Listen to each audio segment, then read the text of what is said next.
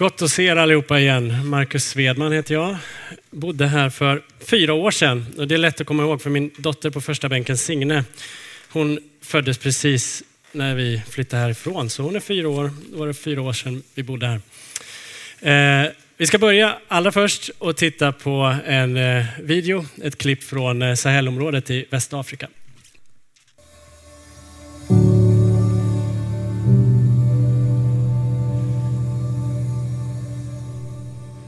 Oroväckande rapporter når oss från de norra delarna av Västafrika.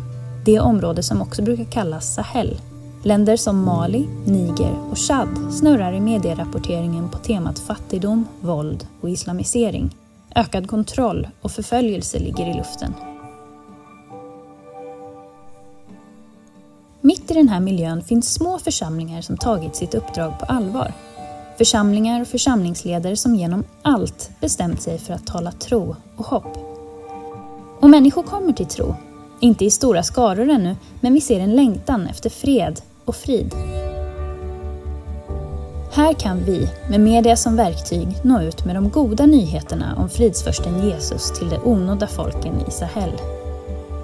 Än så länge kan vi köpa sändningstid på FM-kanaler. Det finns villiga människor som följer upp och vägleder den som söker Jesus och vill veta mer. Vi kan erbjuda distansbibelskola för de som är nya i tron. Vi kan fortfarande göra skillnad och vi måste satsa. Sahel behöver Jesus och din hjälp är viktig.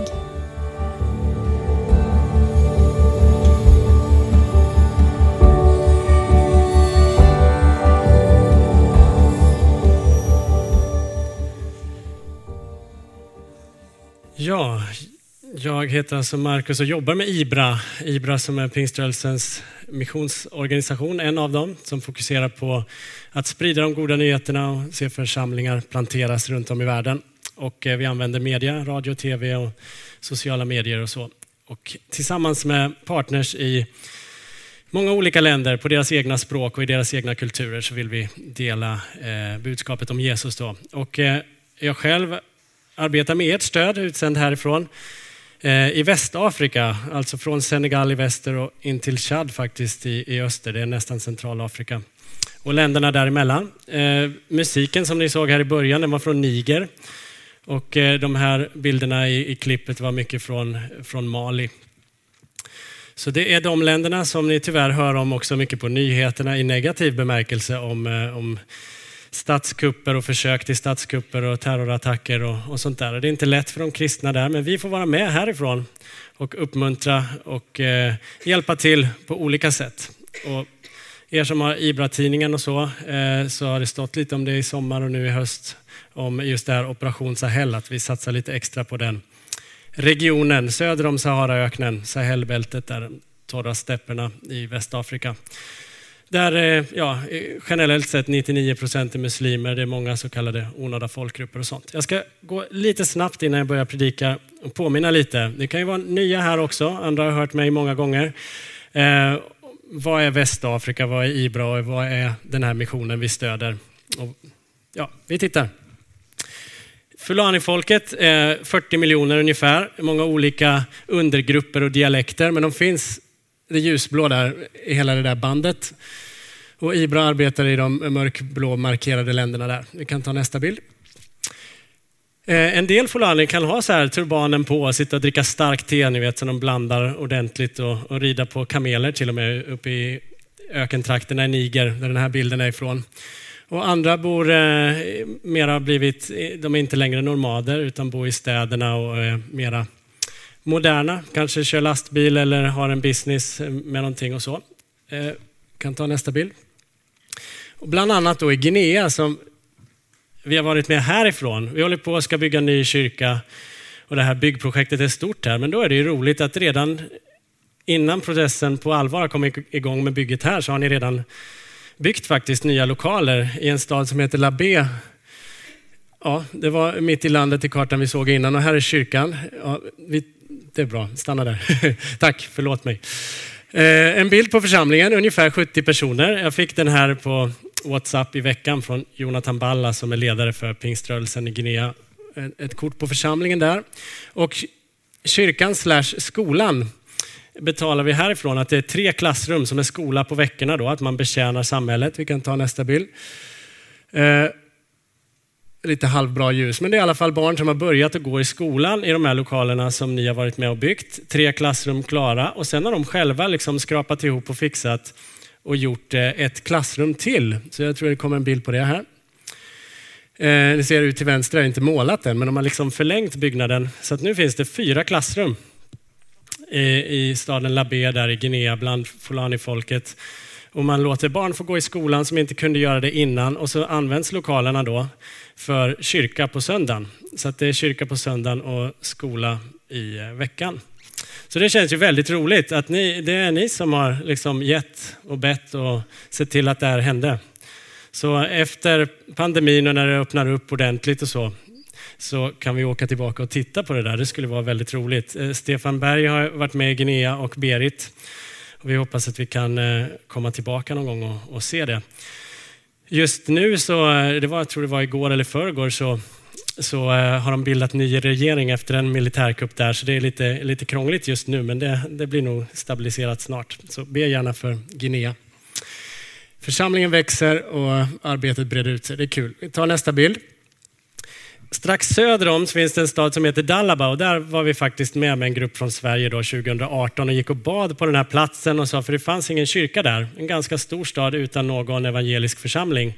Så sa vi att någon gång i framtiden skulle vi vara med och, och bygga en kyrka här. Och nu har de faktiskt köpt land från samfundet lokalt och avskilt, den där bilden när de liksom sände ut Eh, en elev från bibelskolan som nu har examinerats och de ber för honom och skicka honom till den här orten att bli pastor där. Så de har köpt mark och skickat dit en blivande pastor. Men det är verkligen i sin linda. Men det händer även i den staden. Då. Så det får ni också gärna vara med och be för. Och det är Huskvarna pingst som är med och, och drar lite i den processen och sponsrar det. Ja, en bild till tror jag Eh, bara, det där är regionen från Senegal i väster till Chad i öster. Så det är de länderna som vi pratar om när vi pratar om Ibras arbete i Västafrika. Och det finns många fler folkgrupper än bara Fulani, men jag ska inte tråka er med att räkna upp en massa konstiga namn. Men be för Fulani-folket och Västafrika och Sahel. Ta gärna en tidning när ni går ut sen också. Bra. Då ska vi gå till Bibeln. Predikan står i schemat, det förväntas vi i kyrkan, eller hur? Höra Guds ord. Och eh, jag tänkte ge mig på att läsa faktiskt hela åtta versar här alldeles strax från Apostlagärningarna 11. Och ska försöka leta rätt på några punkter i den texten. Eh, jag vet inte vad, vi reagerar ju olika allihopa när vi läser Bibeln. Det är olika saker som står ut. Så vi läser tillsammans och den heliga Ande kanske talar till dig, påminner dig om någonting speciellt bara genom att läsa Bibeln. Och sen ska jag försöka stryka under eh, några saker. Jag ska säga innan att det handlar om eh, bland annat Antiochia som var romarrikets tredje största stad och låg i det som idag är Turkiet men, men långt ner i sydöst så att det är väldigt nära gränsen till Syrien och sådär. Så eh, i den miljön var det som det här hände. Och det hade en stor judisk befolkning på, på den tiden. Så vi läser från Apostlagärningarna 11 och vers 19 och eh, framåt. De som hade skingrats genom förföljelsen som började med Stefanus kom ända till Fenicien, i Cypern och Antiochia. Och de förkunnade ordet endast för judar. Men bland dem fanns några från Cypern och Kyrene. Och när de kom till Antiochia så började de tala även till grekerna och förkunna evangeliet om Herren Jesus. Och Herrens hand var med dem och ett stort antal kom till tro och omvände sig till Herren. Ryktet om detta nådde församlingen i Jerusalem. Eh, och man sände då Barnabas till Antiochia. Och när han kom dit så såg, och såg vad Guds nåd hade gjort blev han glad och uppmanade dem alla att hålla sig till Herren av hela sitt hjärta. Och Barnabas var en god man, fylld av den heliga ande och tro och en stor skara fördes till Herren. Därefter begav han sig till Tarsus för att söka upp Saulus och han fann honom och tog honom till Antiochia. Under ett helt år var de tillsammans med församlingen där och undervisade en stor skara. Och det var i Antiochia som lärjungarna först började kallas kristna. Vi ber en kort bön. Tack Herre för att ditt ord, Guds ord, Bibeln, det är levande och verksamt. Tack för att det är ande och liv och tack för att det här kan få beröra våra hjärtan idag. Att du belyser olika saker för oss var och en och talar till oss här i Sollentuna idag. I Jesu namn. Amen. Ja, det är spännande med Guds ande att han kan leda och han kan göra saker som inte vi planerar. Vi kan planera, vi kan tänka och skriva projekt och planer och sen går det där inte alls som vi har tänkt oss. Det kommer en pandemi eller det händer andra saker. Eller nu senast skulle jag resa till Chad efter pandemin då, för några veckor sedan.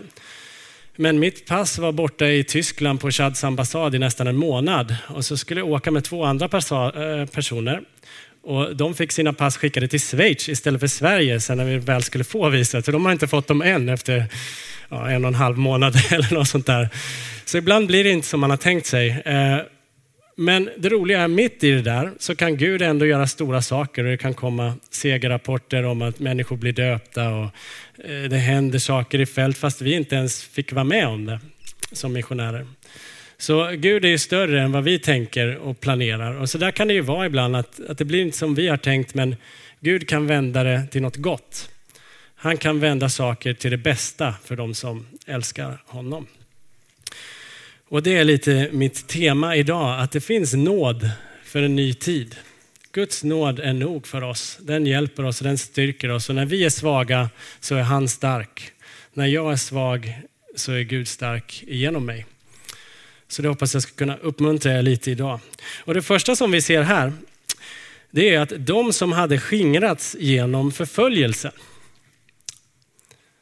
Ja just det, det var förföljelse. De fick fly.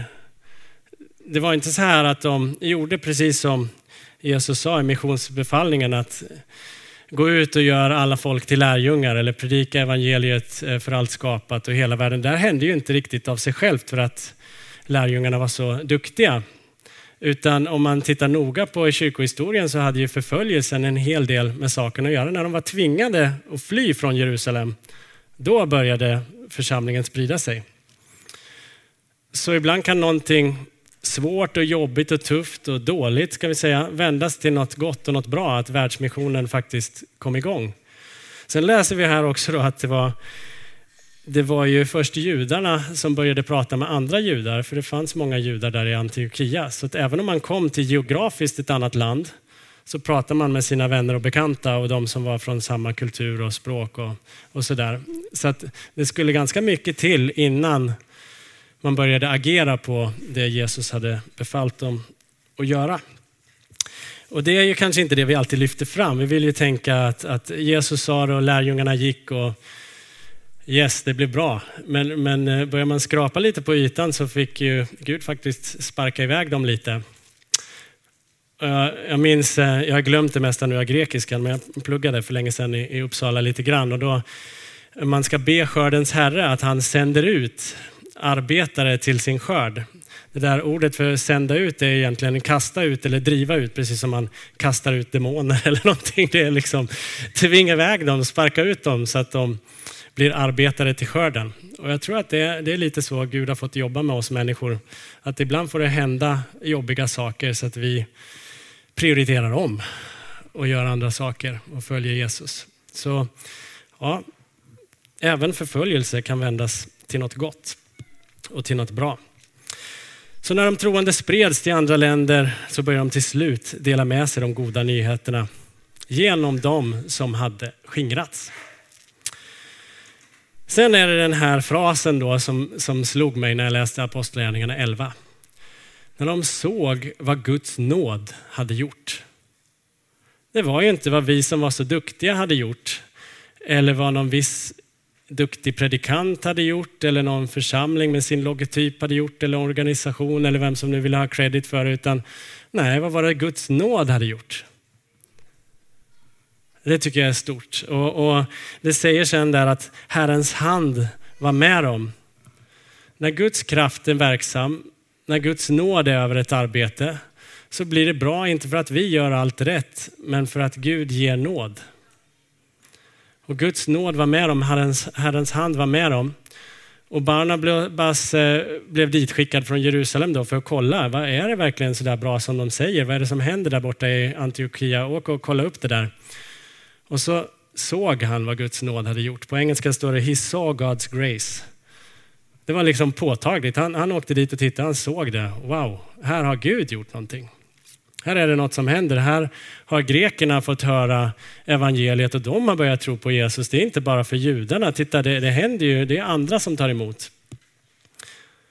Så även om man kan läsa kapitlet innan vi kommer till det att, att Cornelius, en romersk eh, officer, hade tagit emot Jesus så var det fortfarande, om man säger på mer israelisk mark. Men det här var ett, ett annat land och flera greker, hedningar, som tog emot evangelium. Så då hände det genom Guds nåd. Och ni vet, nåd är en kraft, det är en makt. Det är någonting som Gud gör, det är inte bara förlåtelse. Ibland så kan vi tänka på att nåd och förlåtelse nästan är synonymt eller samma sak. Att Gud är nådig, han förlåter oss när vi har gjort fel, när vi har gjort misstag. Och det är sant, men nåd är mer än så. Det är också att Gud verkar, att Gud gör någonting. Och på samma sätt så kan man spegla det och säga att synd, det är inte heller bara någonting som är, vi gör fel eller dåligt, utan det är en makt, det är en kraft som vill dra ner oss, som vill förstöra. Det är lite nyttigt att komma ihåg det perspektivet ibland, att nåden är en kraft och synden är en annan kraft. Men Jesus vill sätta oss fri från syndens makt. Han vill befria oss från syndens makt och ge oss nåd. Det är det han gör när han räddar oss, när han frälser oss. Och då har vi eh, livets andeslag som liksom sätter oss fria från syndens och dödens lag. Vi får komma in i ett nytt sammanhang i, i Guds rike. Det är stort. Så Jesus räddar och befriar oss och han räddar även grekerna och även de i eh, Turkiet och Syrien och Antiochia i det här fallet. Då.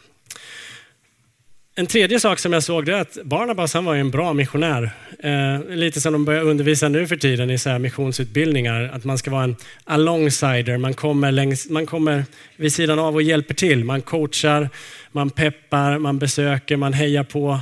Man går bredvid någon. Man uppmuntrar någon annan att komma ut i tjänst och göra jobbet. Man lyfter fram andra, man gör inte bara allt själv.